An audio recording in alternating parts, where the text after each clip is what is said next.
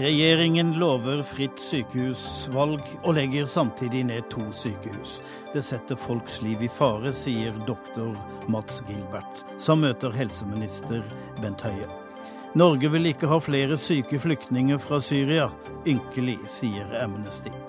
Iran går i oppløsning, og USA snakker igjen med Iran. Seniorforsker Sverre Loddgaard setter bitene sammen. Skolegutt ble torturert, men ingen reagerte. Nå må Stavanger kommune utbetale en halv million kroner til mobbeofre, bare han ikke sier noe.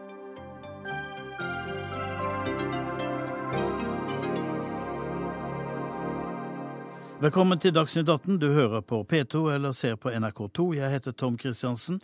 Og vi skal også høre om Forsvaret som solgte marinefartøyer til en opprørsleder i Nigeria.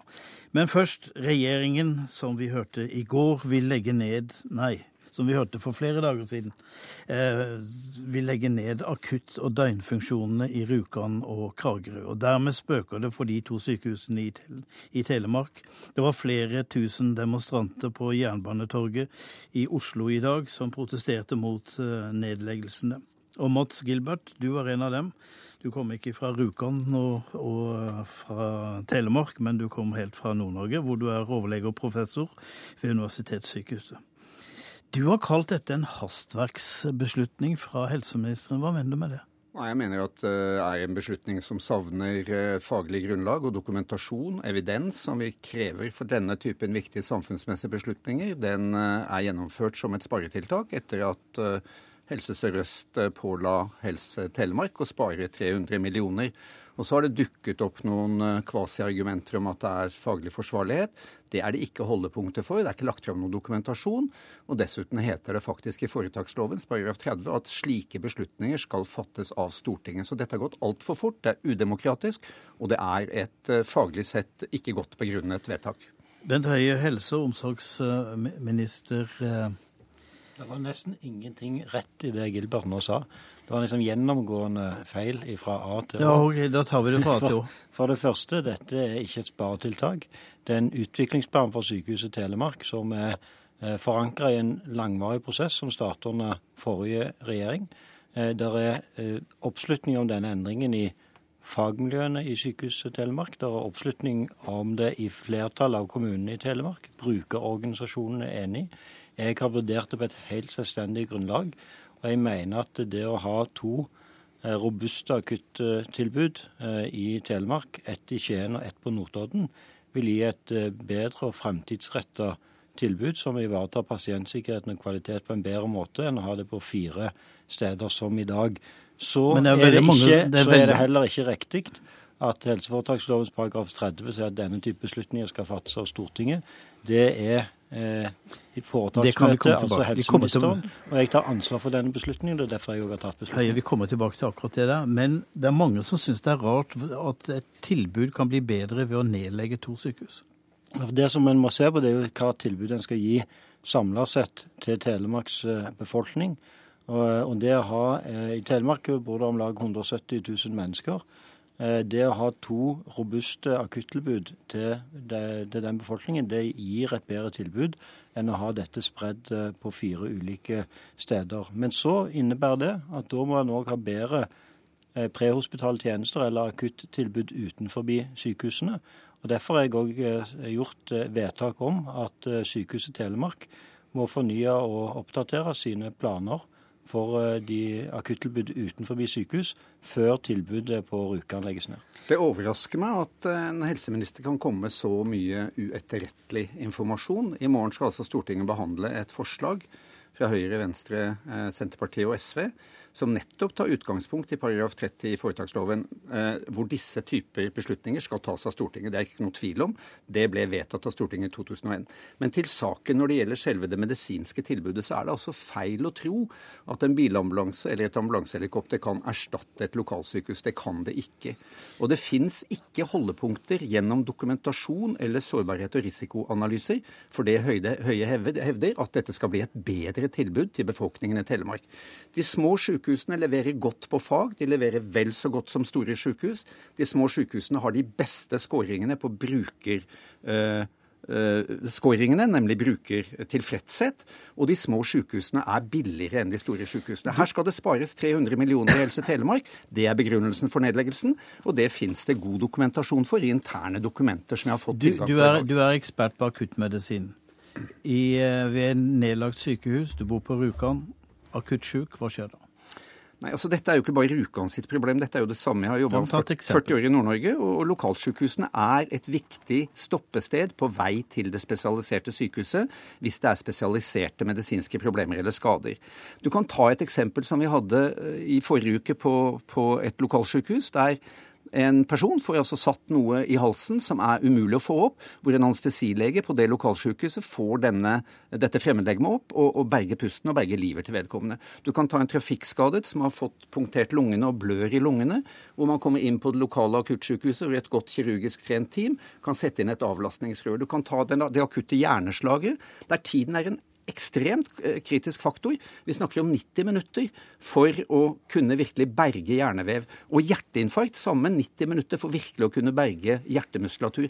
Eh, altså Det har skjedd så mye jo, moderne akuttmedisin at tiden er den overordnede faktoren. Og derfor skal vi ha lokalsykehus. Men, men, Gilbert, med den begrunnelsen så bør det jo bygges 100 nye sykehus i Norge, da, for det er fortsatt mange som har lang vei til klinikken? Nei, jeg er ikke noen eventyrpolitiker. Og vi har hatt en ganske dramatisk utvikling av sykehusstrukturen i Norge de siste 40 årene. Vi har har nærmest halvert antallet lokalsykehus. Og det spørs om vi ikke nå har kommet til et fornuftig balansepunkt. Det som er veien å gå nå, det er å få til en god arbeidsdeling mellom de store og de små sykehusene, sikre det vi har igjen av lokal akuttberedskap på sykehusnivå, og så selvfølgelig selektere de pasientene som skal til spesialistsykehusene. Vi er jo ikke så dumme og tror at, vi skal, at du skal begynne å operere hjerner og hjerte på Rjukan sykehus. Men moderne medisin krever tidskritisk innsats, og det fjerner helseministeren fra denne delen av befolkningen.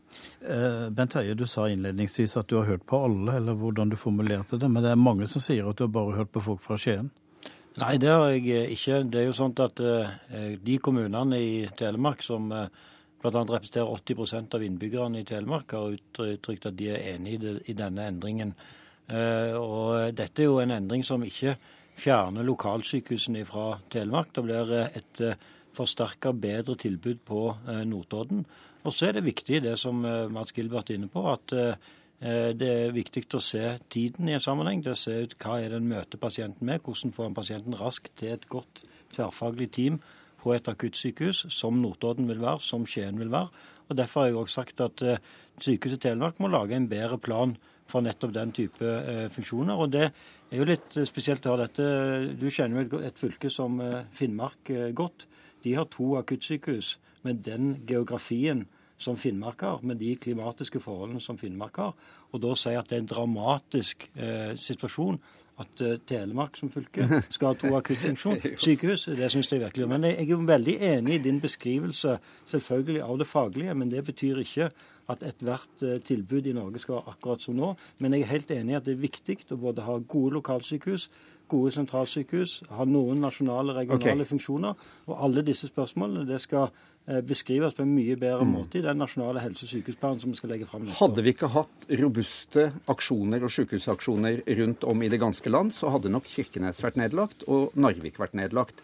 Sånn at det er, Du har rett i at det er en defensiv kamp med ryggen mot veggen. Og Jeg sier ikke at vi skal bygge nye sykehus, det er ikke det jeg sier. Jeg sier at nå har vi kommet til et balansepunkt der vi kan få en fornuftig arbeidsdeling mellom Orkdal og Sankt Uh, og, og, Trondheim, St. Olavs sykehus. Mellom Røros og St. Olav. Mellom Harstad, Narvik og Tromsø.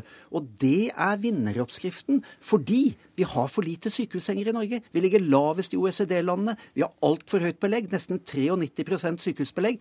Og vi har for kort liggetid. Vi har altså for få sykehussenger. Og det som er medisinen til herr Høie da, det er jo fjerne enda flere sykehussenger og åpne for privatisering. Det er å gå baklengs inn i framtida. Vi har et godt sykehusvesen, og lokalsykehusene er ryggraden i den lokale Sykehuset i Kirkenes jeg ikke tror jeg var tok spadetaket for det, det nye, nye sykehuset i Kirkenes det var, for noen uker siden. Var, og jeg gled, gleder meg og håper å få åpne det nye sykehuset i Kirkenes. Jeg sa det var truet uten folkelige aksjoner, så hadde det vært nedlagt i dag. Og det gjelder mange sykehus. Da sier jeg takk til dere, og Bent Høie, du blir sittende litt til. Dagsnytt 18 alle hverdager klokka 18.00 på NRK P2 og NRK2.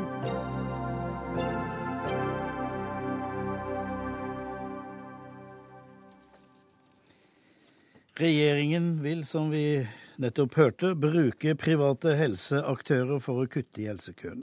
Pasienter på venteliste skal få behandling på private institusjoner, og staten tar regninga. Og Høie, eh, prisen på dette, hvor skal du hente det fra? For dette er ikke penger som kommer i tillegg, er det det?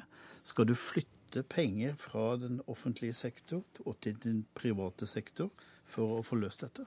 Nei, Den utvidede pasientrettigheten fritt behandlingsvalg den bevilger vi kostnadene i tillegg til det som vi bevilger til de offentlige sykehusene. Og Den eh, utvida pasientrettigheten vil til neste år omfatte eh, rusavhengige og mennesker med psykiske helseutfordringer, og, så skal vi, og noe vanlig sykehusbehandling. Og så skal vi gradvis eh, utvide den til å gjelde annen sykehusbehandling. Men denne reformen som vi la fram i går, den har tre søyler. Det ene er at vi fjerner aktivitetstakene på de offentlige sykehusene, sånn at de får også muligheten til å utnytte sin ledige kapasitet. Så kommer vi òg til å kjøpe mer av de private gjennom eh, vanlige anbud, rett og slett for å bruke mer av den ledige kapasiteten som de private har der. Og så I tillegg gir vi de enkelte pasient en mulighet, når de har fått rett til behandling av det offentlige, til å kunne velge eh, private som eh, har ledig kapasitet utover de avtalene som de har gjennom anbud, eller som ikke har avtale gjennom anbud. Jeg fikk ikke helt svar på spørsmålet, men jeg skal komme tilbake til det. Audun Lysbakken, SV-leder og medlemmer av helse- og omsorgskomiteen. Du har sagt at dette går utover de svakeste pasientene. Kan du dokumentere det? Så Jeg frykter at det er de mest utsatte pasientene som blir taperne i denne reformen. Eh, og det er ganske enkelt. Ja, de mest utsatte må jo være rus og psykiatrisk helse. Det er jo de som skal prioriteres. Ja, Det kan være kronikere, det kan være de med de sammensatte lidelsene. Vi må huske på at denne reformen skal ikke bare omfatte rus og psykiatri, den skal etter hvert også omfatte andre deler av helsevesenet. Og jeg tror nok at det er der de kommersielle private aktørene vil komme inn i, eh, inn i størst mulig grad. Eh, det dette er, er jo ikke en reform som gir mer penger eller flere leger eller flere sykepleiere til norsk helsevesen. Det er en reform som vil organisere køen i helsevesenet på en ny måte. Der eh, kommersielle private aktører får større makt over prioriteringene. Problemet med det er jo at de kommer til å etablere tilbud på det offentliges regning på det som lønner seg for kommersielle å gjøre. Eh, og det er ikke nødvendigvis de pasientene som har de største behovene. Du får altså en ny måte å prioritere på, der de lønnsomme pasientene kommer først i køen, istedenfor det jeg mener skal være utgangspunktet, nemlig at de med de største behovene kommer fram i køen. Og så er det jo klart at det er stort forbedringspotensial i det offentlige og ideelle helsevesenet i dag ikke minst innenfor rus og psykiatri. Men en storstilt privatiseringsreform som dette kan bli, er ikke svaret. Det vil ikke løse noen av de Er det mye penger å hente på rus og psykiatrisk helse? Nei, altså innenfor dette området... Det er jo det som skal tas nå? Det skal tas først. Og som sagt så tror ikke jeg det kommer til å bli den store delen av uh, denne reformen. Men, de Men er du ikke enig i at det på en måte slår beina under argumentasjonen din? Nei, fordi når denne reformen er fullt ja, men Kan du da forklare meg hva som er så kommersielt ved rus og psykiatrisk helse? Altså Nå er det jo fullt mulig også innenfor rus og psykiatri at vi kan få eh, en etablering av kommersielle tilbud som i for stor grad handler om hva det går an å tjene penger på, og i for liten grad handler om hva det er størst behov for. Men så skal vi si at innenfor nettopp rus og psykiatri så har vi i dag et veldig viktig privattilbud som i stort sett drives av ideelle aktører, eh, og som eh, regjeringen burde gjøre mye mer for. De burde f.eks. gjøre det motsatte av det de gjør med denne reformen, som er å ta i bruk mer anbud, gå over til langsiktige avtaler som gir de ideelle aktørene stabilitet og trygghet, både for pasientene og fagmiljøene. En sånn eh, konkurransereform som setter konkurranse foran solidaritet, det vil ikke hjelpe de private ideelle aktørene, det vil ikke hjelpe eh, pasientene. Eh, og det vil altså føre til at vi i større grad prioriterer sånn at de pasientene det lønner seg for de kommersielle å etablere tilbud for, kommer først i køen. Igjen så hører vi et SV som er mer opptatt av uh, å unngå uh, private enn at faktisk folk får uh, hjelp. Uh, veldig, veldig nei, det, var det stort sett det dette innlegget ditt handler om, og nå er det jeg som snakker. fordi at Det som vi ser, det er at altfor mange mennesker i Norge venter unødvendig lenge på helt nødvendig helsehjelp. Og der er ledig kapasitet både hos private og offentlige sykehus. Og Det denne reformen vil innebære, det er at pasienter som venter unødvendig lenge, slipper til. Og Dette er pasienter som er prioritert av det offentlige. Og Det er det som det virker som Audun Lysbakken ikke får med seg. Disse pasientene har vi allerede gitt rett til behandling. Og det er ikke sånn at samfunnet sparer penger på at mennesker må vente på behandling som de har rett på. Det er jo helt meningsløst. Verken den enkelte eller samfunnet sparer penger på at folk er syke i sykehuskøen, går sykemeldte, har unødvendige lidelser. Og Det er mange her som har lyst til å bidra, som har ledig kapasitet. Og vi sier vi vil gjerne slippe de til nettopp for å behandling. Og så styrker vi pasientrettighetene. Og det gjør vi med de pasientene som altfor lenge har sittet nederst ved bordet. Mennesker med ruslidelser og psykiske lidelser. Det som ofte kjennetegner mennesker som er rusavhengige, er at de har en veldig sterk oppfatning av ikke bare at de ønsker behandling, er motivert for behandling, men òg hvor de ønsker behandlingen. Og Da er det forskjell på en del av institusjonene, både de offentlige og private. Og Jeg mener det er en verdi i seg selv at en rusavhengig har muligheten til å velge seg til den private rusinstitusjonen som de har tro på, selv om de tilfeldigvis ikke har en verken langsiktig avtale med det offentlige eller en avtale med det offentlige i hele tatt, men fordi de gir et godt faglig tilbud, er godkjent. Lysbakken, du var del av en regjering som måtte bruke private tjenester for å få helsesystemet til å gå rundt.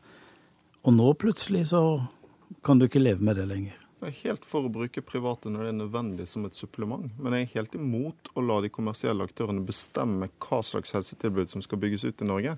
Det er stor forskjell på.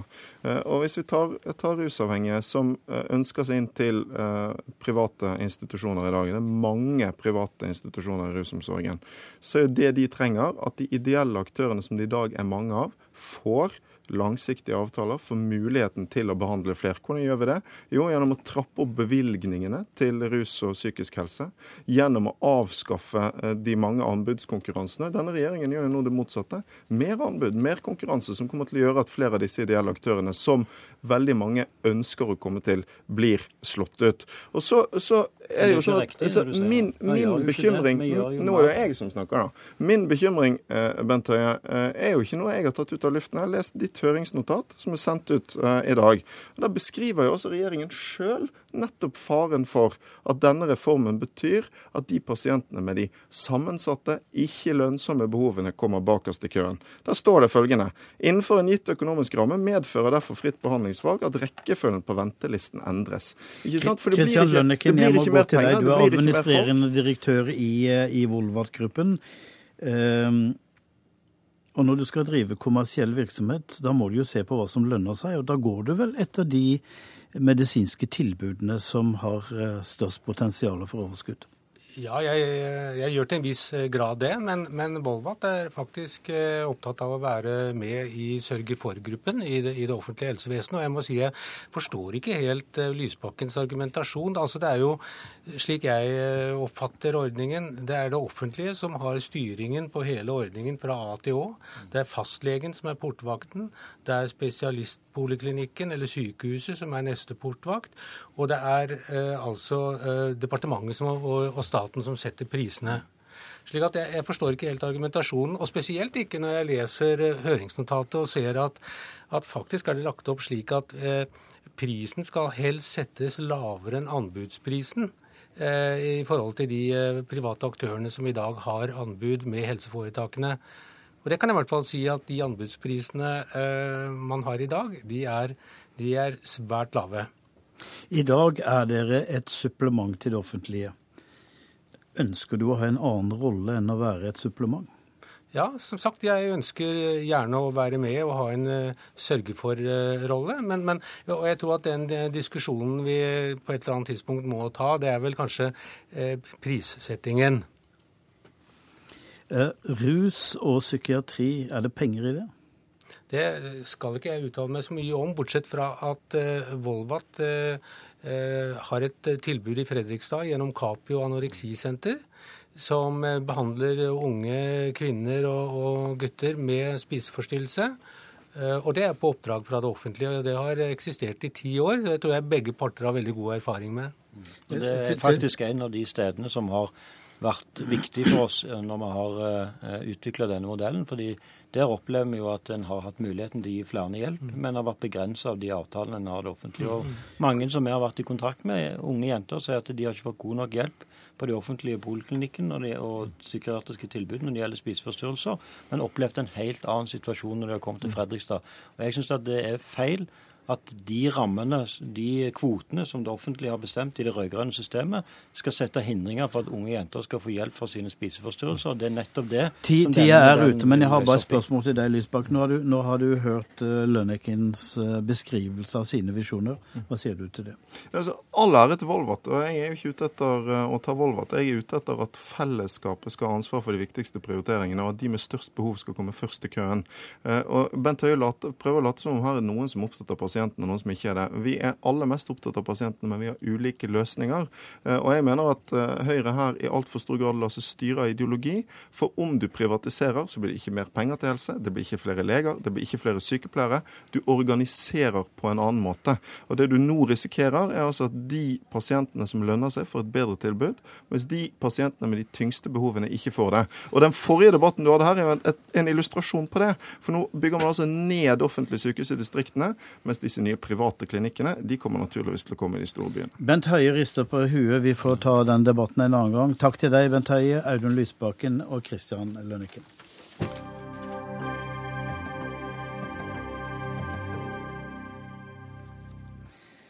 ISIL-militsen i Irak sender ut skremmende bilder som kan være hentet fra henrettelser i byene de har eh, erobret. Konflikten har nå ført til at USA vil samarbeide med sin erkefiende Iran, og Irak kan gå i oppløsning foran øynene på en passiv og overrasket verden. Sigurd Falkenberg Mikkelsen, du er nå i Erbil i Nord-Irak. Er militsen i stand til å, å holde de byene de har okkupert?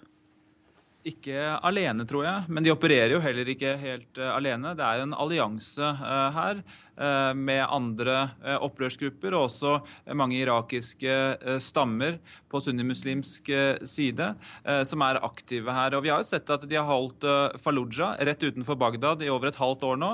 Og jeg tror nok også de vil ha mulighet til å holde noen av de byene de nå har tatt i en tid framover. Men de har vel ikke folket med seg? Det er jo mange som flykter fra de byene de har kommet til?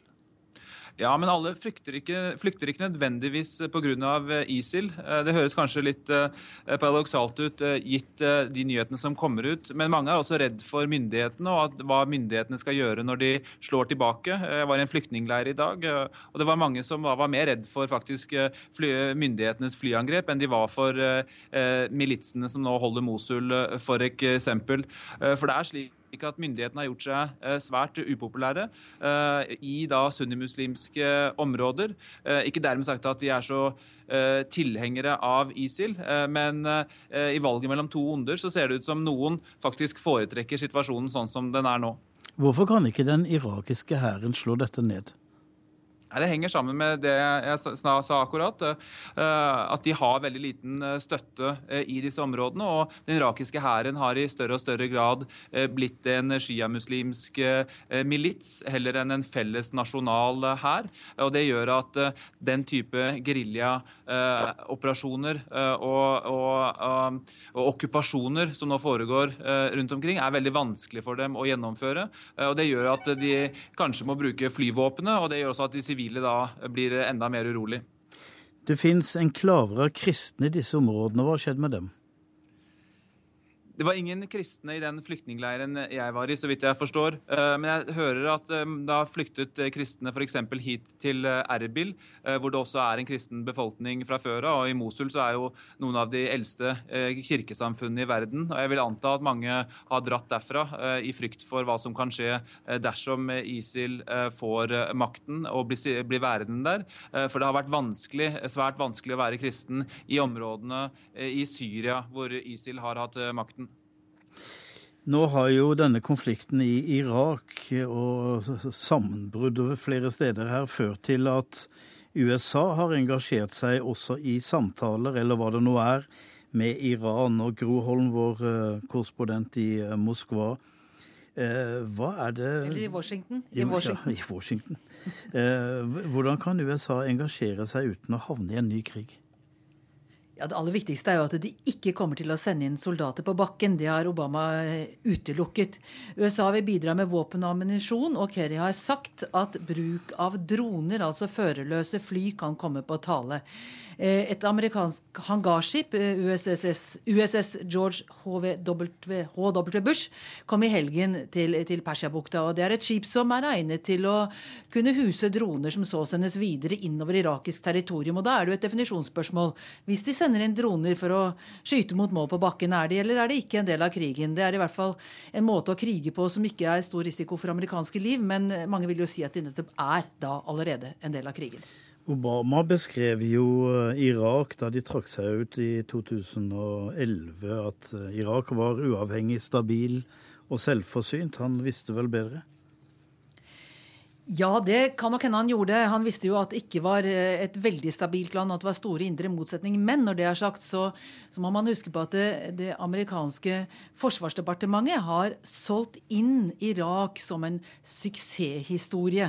Et mønster. General Petreus ledet jo oppbyggingen av en regimelojal sunnimilits som ble brukt til å slå ned mer radikale sunnier. Og det var på kort sikt, rundt 2006-2007 ganske vellykket. Og så ser vi jo nå da at det holdt ikke så veldig lenge. Bl.a. fordi disse sunniene hadde forventninger om å bli integrert i Iraks hær. Og det ble noen av dem til å begynne med, og så er mange av dem kastet ut igjen. Og det er ikke populært. Om Irak skulle sprekke opp i flere biter, hva er det ved det som skremmer amerikanerne? Ja, Irak er jo en oljerik stat eh, som da eh, trues av fullstendig oppløsning. For det første så vil det jo gå utover verdens eh, oljeproduksjon. Eh, men Irak er jo også blitt et drivhus kan man si, for radikale islamister. Et drivhus som det ikke var under Saddams diktatur. Det fantes jo nesten ikke Al Qaida der på den tiden. Eh, og det er klart at eh, et, et Midtøsten med flere stater, til og med som grenser til hverandre, Syria, Irak, som er i full oppløsning, eh, hvor eh, antall radikale muslimer som hater amerikanerne, stadig vokser. Det er ikke USAs interesse. Det lager en mer usikker verden, ikke bare for USA. Sverre Lodgaard, du er seniorforsker ved NUPI. Hvordan tenker eh, Teherans lederskap nå i Iran når de snur seg mot amerikanerne og har problemer igjen med sin nabo? Snu seg mot amerikanerne har de gjort uh, nå i et års tid. Og dette har gått veldig fort fordi at det er et sammenfall av nasjonale interesser mellom Iran og, og USA. Iran vil ut av isolasjonen. USA vil trappe ned militært i Midtøsten til fordel for, for Asia. De har felles interesser i stabiliseringen av Afghanistan, for der er Taliban en felles fiende, felles motstander. Og de har hatt eh, fellesinteresser, og har det da i denne aktuelle situasjonen også i, i Irak når det gjelder mulig stabilisering av, av, Irak. Og Det de kan gjøre der i fellesskap, eh, det er vel da å prøve å konsolidere eh, Irak fra Bagdad og sørover, hvor Shia-dominansen befinner seg. Borgerkrigen vil nok i hovedsak finne sted i det sentrale Irak, hvor den sunnimuslimske minoriteten holder til. Eh, for der har på en måte al-Maliki eh, åpnet døra eh, for ISIL og andre ekstreme grupper. For det er jo med al-Maliki, som med veldig mange andre ledere i Midtøsten. Han har ikke vist noen forståelse for hva mangfold krever. At mangfold krever maktdeling. At mangfold krever også vern om, om minoriteter. Og så ser vi da i dag at det er et slags samvirke, eh, komplisert riktignok, eh, mellom eh, ISIL i første rekke og sunnimuslimske grupperinger som er i motsats til det sjiamuslimske styret til Maliki. Den britiske statsminister tidligere, Tony Blair, er blitt latterliggjort over hele verden i dag etter at han har sagt at konflikten i Irak har ingenting med den vestlige invasjonen å gjøre. Har han rett i det? Nei, det har han åpenbart ikke.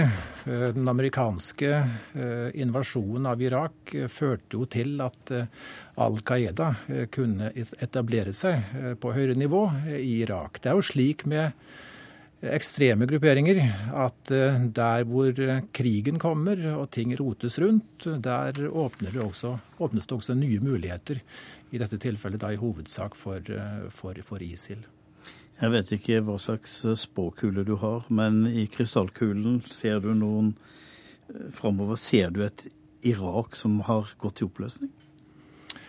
Vi kan jo nå stå foran den første store revisjonen av de grensene som britiske eh, Sykes og, og, franske Picot eh, tegnet i 1916, da det ottomanske riket var på fallrepet. Det er gjort mange forsøk på å forandre grensene med militær makt siden den tid, men bortsett fra utvidelsen av Israel, eh, så har det ikke, ikke lyktes. Men nå kan det jo komme til å, til å skje. I første rekke ved at kurderne Eh, i nord eh, erklærer seg som en selvstendig stat.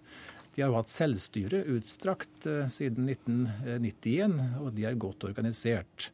Foreløpig stiller de seg nøytralt, tror jeg en må si, i forholdet mellom sunnier og sjiaer i Irak. Og de, og de, konsoliderer posisjonene i Kirkuk, som de nå har etablert under, under seg, med all oljen og oljeraffineriene der.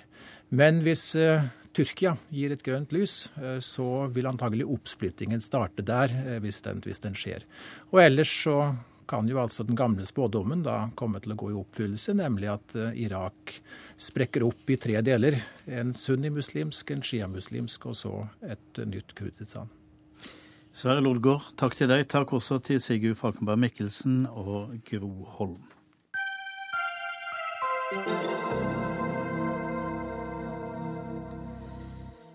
Odd Nerdrum er dømt til fengsel i ett år og åtte måneder av Borgarting lagmannsrett. Dommen er dermed redusert fra tidligere dommer og forsvarer eh, Jon Christian Elden. Hva innebærer dette? Lagmannsretten har tatt denne saken ned på jorden. De har redusert det beløpet som Nerdrum tidligere var dømt for å unndratt for skatt, eh, dramatisk. Eh, av de ett år og åtte som de nå har ilagt, så er åtte måneder gjort betinget. Eh, slik at de har sagt at han skal sone ett år i fengsel. Lagmannsretten har kommet til at politiet hadde drevet med dobbel bokføring, og de hadde en tiltale på skattebedragerier på opp mot 14 millioner.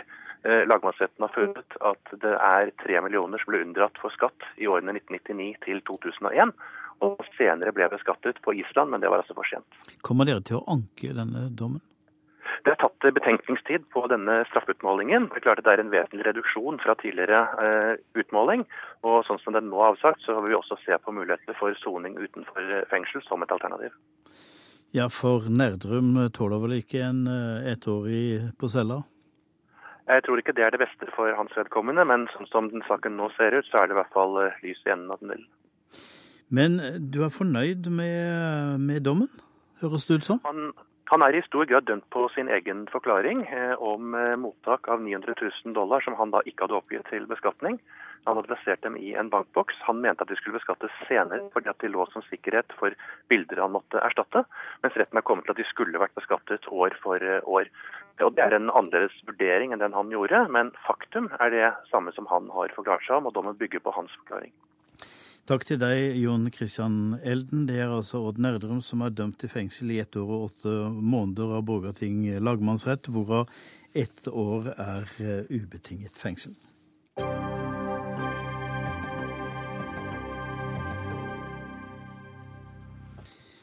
Norge vil ikke ha flyktninger fra Syria som er syke og skadde. Det skriver Aftenposten i dag. Norge har forpliktet seg til å ta imot 1000 syriske flyktninger, og hver fjerde av de 600 som er kommet, har behov for langvarig helsehjelp.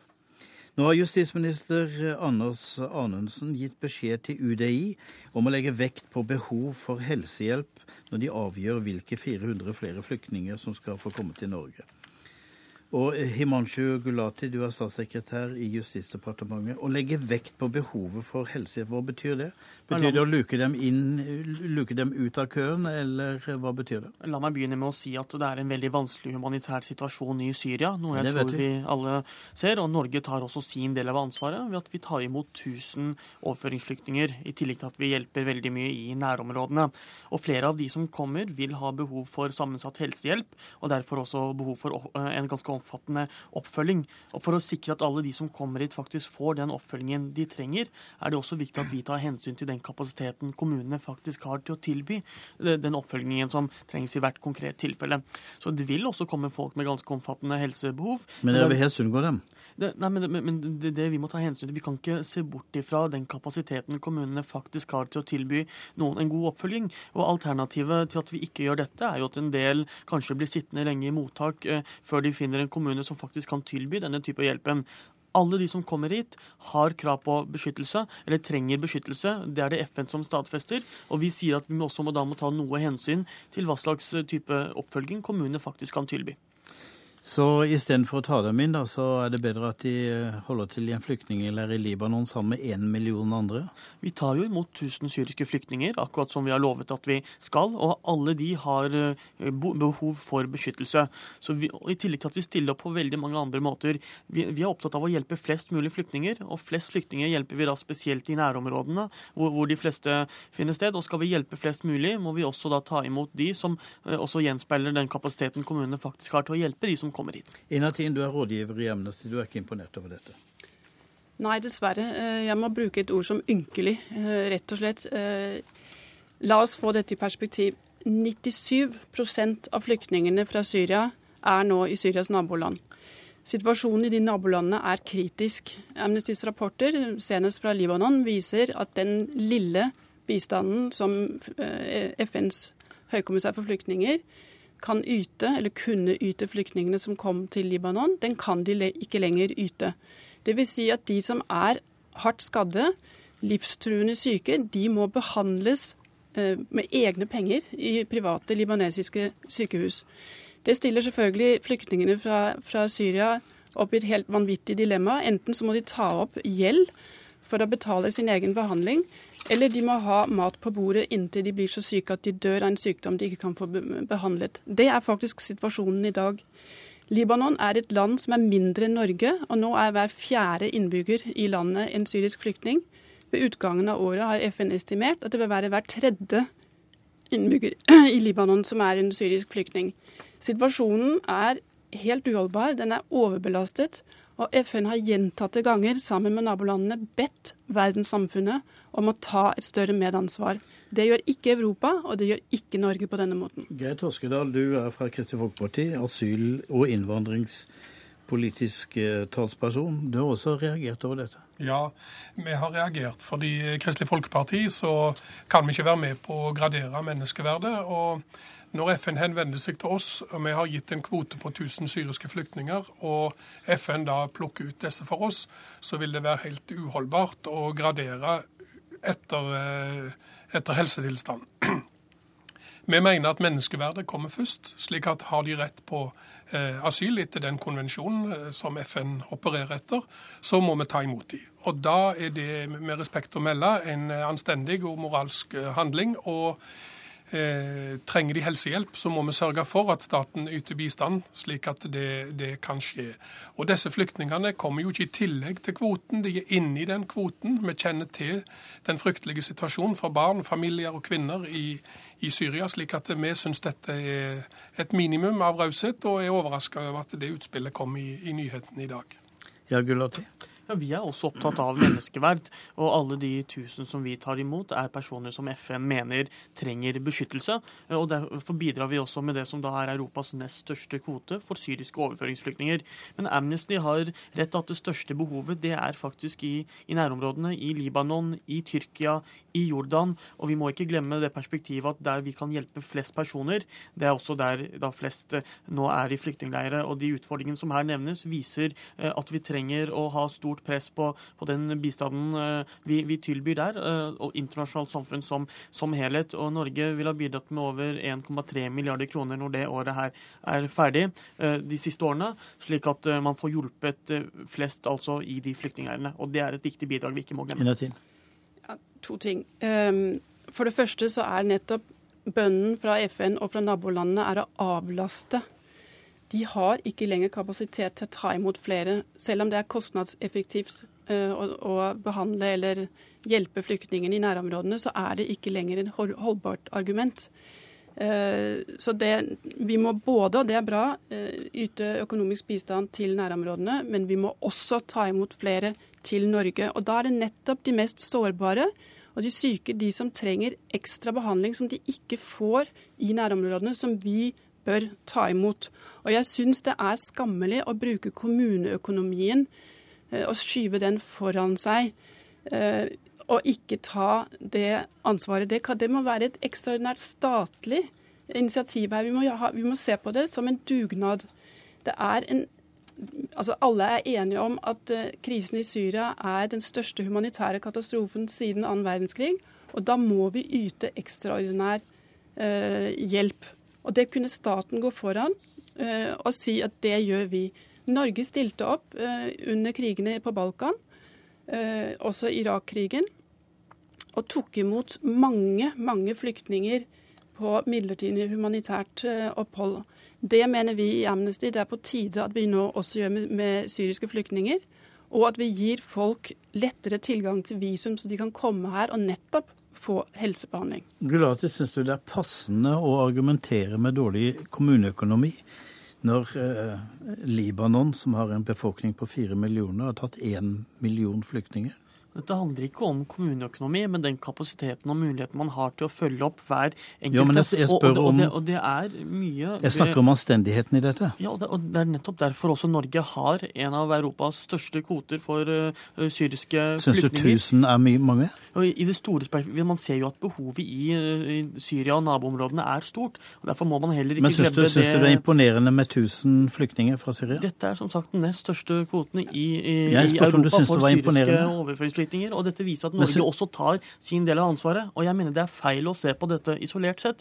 Vi må se på det samlede bidraget, og uansett hvordan man vrir og vender på det, så kommer vi ikke bort ifra at den største hjelpen i en situasjon hvor det er så mange flyktninger, over millioner flyktninger, så vil man eh, kun kunne hjelpe flest mulig med bistanden man yter Og du vil i nærområdene. luke- og du vil luke i den køen. Selv om vi tar imot noen i Norge, noe som også da eh, vi gjør ved å ha Europas nest største kvote. Og du vil luke i den køen, luke ut de syke? Det handler ikke om å luke ut de syke. Tvert imot tar vi også imot en del som har ganske sammensatte helse, eh, helseutfordringer. Men vi må altså også ta hensyn til, det, eh, til den kapasiteten vi har til å tilby de som kommer hit, en god oppfølging. Vi har sagt at vi skal ta imot 1000 syriske flyktninger. Det kommer vi til å gjøre. Men vi tar også hensyn til hva slags kapasitet kommunene faktisk har til å følge opp de som kommer, slik at de som kommer hit, får en best mulig eh, ny start og en best mulig oppfølging på de behovene som de har.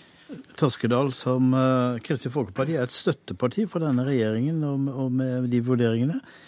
Hva syns du om det? Jo, eh, vi må først skille ut.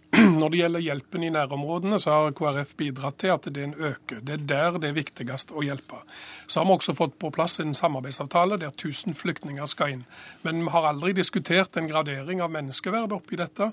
Slik at vi mener menneskeverdet først. Og når FN da har klarert disse flyktningene ut ifra at de har størst behov, barn, kvinner, skadde, så mener vi at det, inni de 1000 så er det rom for å ta imot disse. og Vi kan ikke sortere mennesker her. Nei, men Og du, du sier at det er det regjeringen nå gjør, og den regjeringen støtter Kristelig Folkeparti. På dette punkt, med å ta inn 1000, så har vi aldri diskutert situasjonen i Syria og denne situasjonen her. Den er helt ny for oss, og vi hadde aldri eh, foreslått eller gått med på at vi skulle sortere her. Det som var debatten, var at skulle vi prioritere, så kunne det være kvinner og barn og folk fra folkegrupper der vi har kompetanse.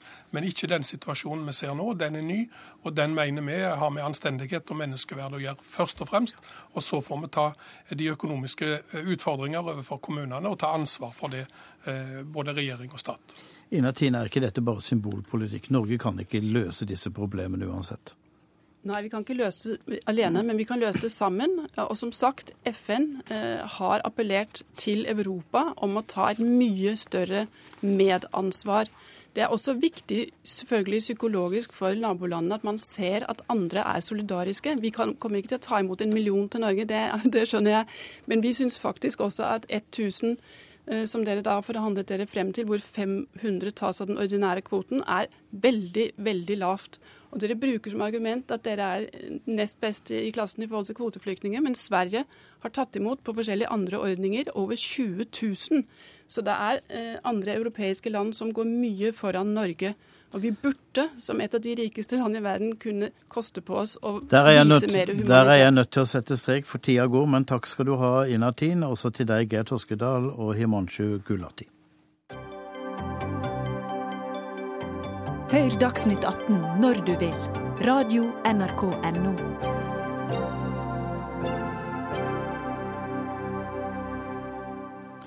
Så skal vi høre om Forsvarets salg av marinefartøyer. De ble solgt til et britisk sikkerhetsselskap registrert på en campingplass i Surrey, og eieren, den nigerianske opprørslederen Tompola, som han kalles. Han har nylig fått amnesti av staten og skal bruke de norske skipene i piratjakt og skatteinndriving utenfor den nigerianske kysten. Morten Børs, du er seniorforsker ved NUPI. Du er kritisk til dette. Hvorfor det? Ja, altså det reiser jo egentlig noen eh, ganske prinsipielle spørsmål, dette her. Altså bør vi eh, selge den type forsvarsmateriell på såpass lurvete markeder som dette er? Burde vi ikke her hatt noen eh, i hvert fall gjort oss noen tanker. men det er hvert fall å ha en samtale om dette. her, altså hvordan, hvordan, regelverk bør ligge på plass for hvordan slikt materiell selges, og ikke minst bør vi selge det på alle typer markeder. Er dette den type forsvarsmateriell som eh, i den grad det skal selges, bør selges til aktører hvor vi kan være ganske trygge på at vi kan få en slutterklæring når det gjelder bruken på dette. Jo, men I dette tilfellet så er, har de altså Forsvaret strippet dem for alle våpen og, og alt sånn. Så i prinsippet er det et helt sivilt eh, skip. Gjør det noe da? Det er riktig at de har strippet det for våpen, men altså her for en aktør som Tom Polo og hans sikkerhetsselskap som eh, opererer i Delta, så er det ikke våpnene som var det interessante. Altså det er båtene og den type operasjoner som, de, som, de, kan brukes til. Våpnene er for dem irrelevante, for det er, det, det det, de skaffer nye våpen til disse båtene på under fem minutter i Niger-delta. Uh, hvem er denne nigerianeren Tompola? Government Tompola, som er navnet hans, er en interessant aktør. Han er en høvdingsønn. Eh, altså, han kom fra en ganske mektig familie, eh, fra Idrav-folket. Og han begynte å bli involvert i stridighetene i Niger-delta først gjennom en ren etnisk milits, men senere så ble han da en av, fem, en av de fem ledende militære kommandantene i denne Mende-militsen, som eh, i hvert fall i navnet slåss for rettighetene til lokalbefolkningen i Niger-delta. Og de presenterte dette som en kamp eh, for at rettighetene her skulle gjenopprettes, og at de skulle få kompensasjon for de helt reelle tapene som dette folket har hatt når det gjelder eh, oljesøl og andre miljøødeleggelser i området. Har han vært involvert i krigshandlinger? Han eh, var en av de fem ledende kommandantene og har helt klart vært involvert i krigshandlinger. Og han har blod på hendene, han som alle andre aktører som har vært involvert i den striden, inkludert også så klart styrker fra den nigerianske hæren. Men går det ikke an å tro på at han nå driver eh, et sikkerhetsselskap og ikke bandittvirksomhet og militær aktivitet? Han driver nå et sikkerhetsselskap, men problemet er at på tross av dette amnestiprogrammet som, det, som, du refererte til, så er situasjonen fortsatt ganske spent i Niger-delta. Og han er da en av de få som har fått, uh, fått, en stor posisjon som følge av dette amnestiprogrammet. Han fikk på mange måter omtrent dette sikkerhetsselskapet i hendene mer eller mindre omtrent som en gave fra eh, presidenten, altså fra Goodluck Jonathan, som han har kontakter med. Og eh, det er mange andre av disse som nå kommer ut av dette eh, amnestiprogrammet. Det har vært over 30 000 gjennom det. 18 000 er nå ute av det. Det er 12 000 igjen i programmet. Mange av disse 18 000 de returnerer til den samme fattigdommen som de kom fra. Og det ulmer allerede i deltaområdet. Kriminalitetsnivået er på vei opp igjen. Vi vet ikke helt hvordan dette ender. Det er et valg neste år hvor vi må bare påregne betydelig valgvold. Og det er nettopp i denne ustabile kruttønna her at disse skipene også kan bli brukt. Og det, er det slike ting som eventuelt tidligere materiale fra norsk forsvar skal brukes til? Dette amnestiprogrammet er jo eh, kontroversielt også fordi at eh, de løslater jo militsledere, altså de statens fiender, er på gata. Ja, det har de gjort, med noen få unntak. Altså, det, er et, det er et par mennledere menn-ledere som fortsatt sitter fengslet, og som kommer til å fortsette å sitte i fengsel. Bl.a. Henry Oka, som på mange måter regnes som en av de mer ideologiske lederne. Så det som har skjedd, er at de mest pragmatiske, de minst ideologisk orienterte av disse lederne, de som i all hovedsak kanskje var med på Mend-opprøret først og fremst for å berike seg selv, de nå, ser nå ut til å bli de som blir beriket av dette programmet, mens da de som på mange måter også i hvert fall bidro til en også mer ideologisk kamp, det er de man, man straffer. Altså, folk som Tombola ses på som mulig allierte for deler av den nigerianske politiske klassen. Ja, jeg sa at uh, Tompola, du sier tombola, og det er kanskje tombola. like greit. Og Norge er med. Takk skal du ha, Morten Børs.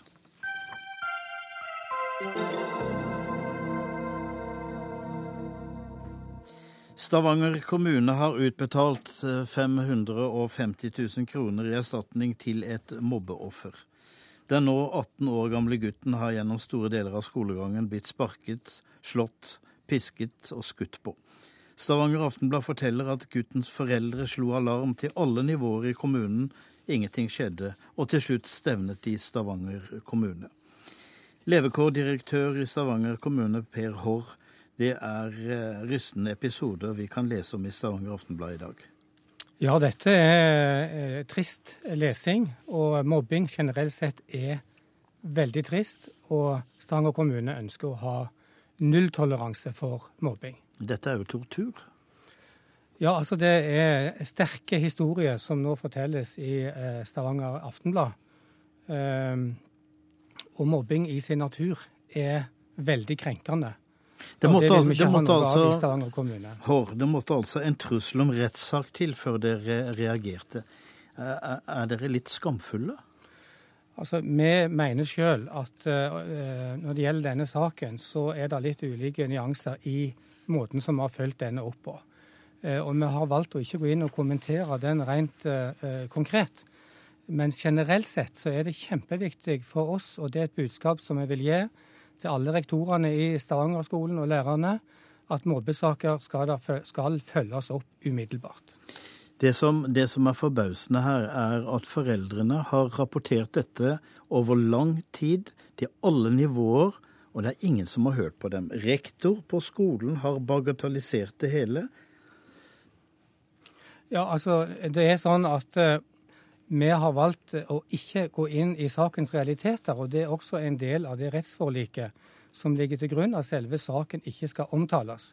Ja, Hva er det, det dere vil skjule? Altså, nei, det, eh, avtalen er at han ikke får lov å si noe om dette. Og da er, det, jo, da det første spørsmålet man stiller seg da, hva er det dere vil skjule? For hvis dette hadde blitt en rettssak, hadde jo alt dette kommet fram. Eh, det hadde det. Og eh, i og med at det da er meldt om at Stavanger kommune da ble anmeldt, så er det sånn at det er vanlig prosedyre at det gjennomføres rettsmeklinger. Og i denne meklingen så ble det da en enighet mellom begge parter at denne saken da ikke skulle offentliggjøres. Og det kan være flere grunner til det, eh, også eh, hensynet til tredjepart. Men når det er sagt, så har ikke Stavanger kommune, og vil ikke ha, noen skjult agenda når det gjelder mobbesaker. De skal møtes aktivt og offensivt på alle nivå i Stavanger kommune. Du sa jo til Stavanger Aftenblad at du fryktet for kommunens omdømme, og det er vel et understatement? Det har vært brukt som begrep i forbindelse med saksbehandlingen. Eh, kommunens omdømme. Ja, Det er en formulering som har et innhold? Ja, det er det. Og eh, vi eh, mener at dette er et ord som ikke burde ha blitt brukt. Stavanger kommune sitt omdømme skal ikke ha noe å bety i mobbesaker. Det er eh, respekten for offeret som skal stå i sentrum, og det å finne gode løsninger for måten å håndtere slike saker på som er viktig for oss. Kan du på noe vis forklare hvorfor kommunen og skolen, som visste hva som skjedde, ikke grep inn, ikke slo alarm, ikke gjorde noe som helst. Ja, jeg vil ikke gå inn og kommentere den saken og, og, det som skjedde rundt denne saken, utover det som jeg allerede har sagt. Eh, det jeg kan si på generell basis, det er at Stavanger kommune har siden 2006, når dette står på, eller fra 2002 til 2006, lagt ned et vesentlig arbeid i å systematisere arbeidet med mobbing. Og det er eh, lagt til rette for å stille krav om rutiner og måter å jobbe på som er vesensforskjellige fra sånn som de var den gangen. Anne Lindboe, du er barneombud. Hvordan synes du Stavanger kommune beskriver dette som har skjedd? Er de unnfallende? Altså, nå kjenner ikke jeg alle detaljer i denne saken. her. Det jeg har lyst til å si er at Generelt sett så er dette et problem vi i, i Barneombudet møter ganske ofte. Barn har rett til et godt skolemiljø.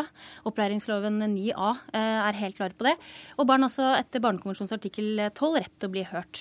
Dessverre er det altfor mange steder, både sånn som i denne saken i Stavanger, også andre saker, sånn at barn ikke blir trodd når de kommer til voksne lærere, rektor på skolen og forteller om mobbing. De opplever å ikke bli tatt på alvor. Det er veldig alvorlig. Eh, og gjør i verste fall at de kan få ødelagt både selvtillit og, og utdannelse. Det kan gå riktig så galt, sånn som det har gjort med den gutten i den eh, saken her. Og sånn kan vi ikke ha det. Vi er nødt til å tro på barna og ta dem på eh, alvor når de forteller om krenkelser. Og det er deres oppfattelse som skal legges til grunn, og ikke hva eventuelle lærere eller andre mener at de måtte tåle. Eller bagatellisering av problemet. Her har jo kommunen tatt sitt ansvar og tallfestet det til en halv million kroner i erstatning. Det jeg lurer på, er de skyldige, mobberne. Dem er det ingen som snakker om. Nei, altså, Jeg er ikke så opptatt av å straffe mobbere. for at ofte så har. Nei, for at ofte så, Mobbere er også barn, ofte så har de også problemer. Eh, det kan være en grunn til at du mobber. Her er det de voksne som har ansvar for eh, å stoppe mobbingen. Det er selvfølgelig foreldrene til barna som må ta det på, på alvor og snakke med barna sine. Eh, og det er også først og fremst da lærere og skoleledelse som må ta dette på alvor. Men barn vet jo at de driver med pur faenskap. Altså, Jeg liker ikke å fremstille som at barn driver med pur faenskap, for barn er barn. Og det betyr jo ikke at jeg vil rettferdiggjøre det de holder på med. Men som sagt, er Men det er det ikke en sak for barnevernet? Altså I ekstreme konsekvenser, hvis man er bekymret for omsorgssvikt eh, hos familiene, så er det klart at, eh, at barnevernet kan eh, komme på banen. Men her er det som sagt kommunen, skoleeier og rektor som har ansvar for å ta disse sakene på alvor. Det vi ser er at det altfor sjeldent f.eks. fattes vedtak i disse sakene. At eh, barn og foreldre melder om at de ikke har det bra på skolen, og så gjør ikke skolen noe, de tar ikke skikkelig grep. De må fatte et vedtak. De må fortelle foreldrene og barna hva slags rettigheter de har. Og så må de følge opp saken helt til eh, barna har fått det bedre. Men mobberne må aldri bytte skole. Nei, altså, Å bytte skole det mener jeg på en måte er et, eh, et nederlag, både hvis eh, mobberne og, og, de som eh, blir mobbet må bytte skole. Da har man på en måte kapitulert, og ofte så hjelper ikke det så mye, for da bare forflytter problemene seg. Og så er det ofte mange som mobber, ikke bare én. Og det er viktig å huske på at utestengning, utfrysning, det kan være store, store deler av en klasse f.eks. Som, som holder på med det. Og Derfor så er det så viktig å ta grep på skolen. Eh, ta problemet på, på alvor eh, når sånne ting oppstår. Og det vi ser er at uh, I saker selv der Fylkesmannen har fått et uh, vedtak, så er det ikke alltid at skolen og rektor følger opp. Og Da tenker vi at da må det, da må det være et ris bak speilet. Det må få en konsekvens, f.eks. Uh, dagbøtter, eller andre konsekvenser når skolen velger Men, ikke følger loven. Men Anne Lindboe, det som virker til slutt, det er når de stevnes, når kommunen stevnes for retten, som i dette tilfellet. Da våkner kommunen. Ja, og det er veldig synd. eh, For da har det gått altfor lang tid. Eh, Da har kanskje hele barndommen og hele skolegangen til dette barnet eh, gått. Og Derfor er som sagt også vi så opptatt av at det må få konsekvenser når kommunen eh, velger å bryte loven. Sånn som eh, det har skjedd i denne saken og i mange andre saker, at man ikke har tatt det på alvor når barn ikke har det eh, bra på skolen. Da må man sette inn tiltak umiddelbart mens barna har skolegang og, og liv igjen, for dette er altfor sent. Og hvis man velger å på en måte ikke gjøre en, en god nok jobb der, så er det opp, viktig at det er et ris bak speilet, og at det får en, en konsekvens. Det kan være bøter som kommer mye tidligere, f.eks. Det å følge opp skolen tett, det å komme med advarsler fra eh, Fylkesmannen, pålegge skolen å ta imot hjelp og søke kompetanse eksternt, eh, f.eks. Da kan man forhåpentligvis finne en løsning mens barnet fremdeles er på skolen og har skolegang og barndom igjen. Der får vi si takk til deg, Anne Lindboe, og også til Per Haarr, levekårsdirektør i Stavanger kommune. Dagsnytt 18 er ved veis ende, og ansvarlig for sendinga har vært Gro Arneberg. Teknisk ansvarlig Karl Johan Rimstad. Jeg heter Tom Kristiansen, og vi høres igjen i morgen klokka seks.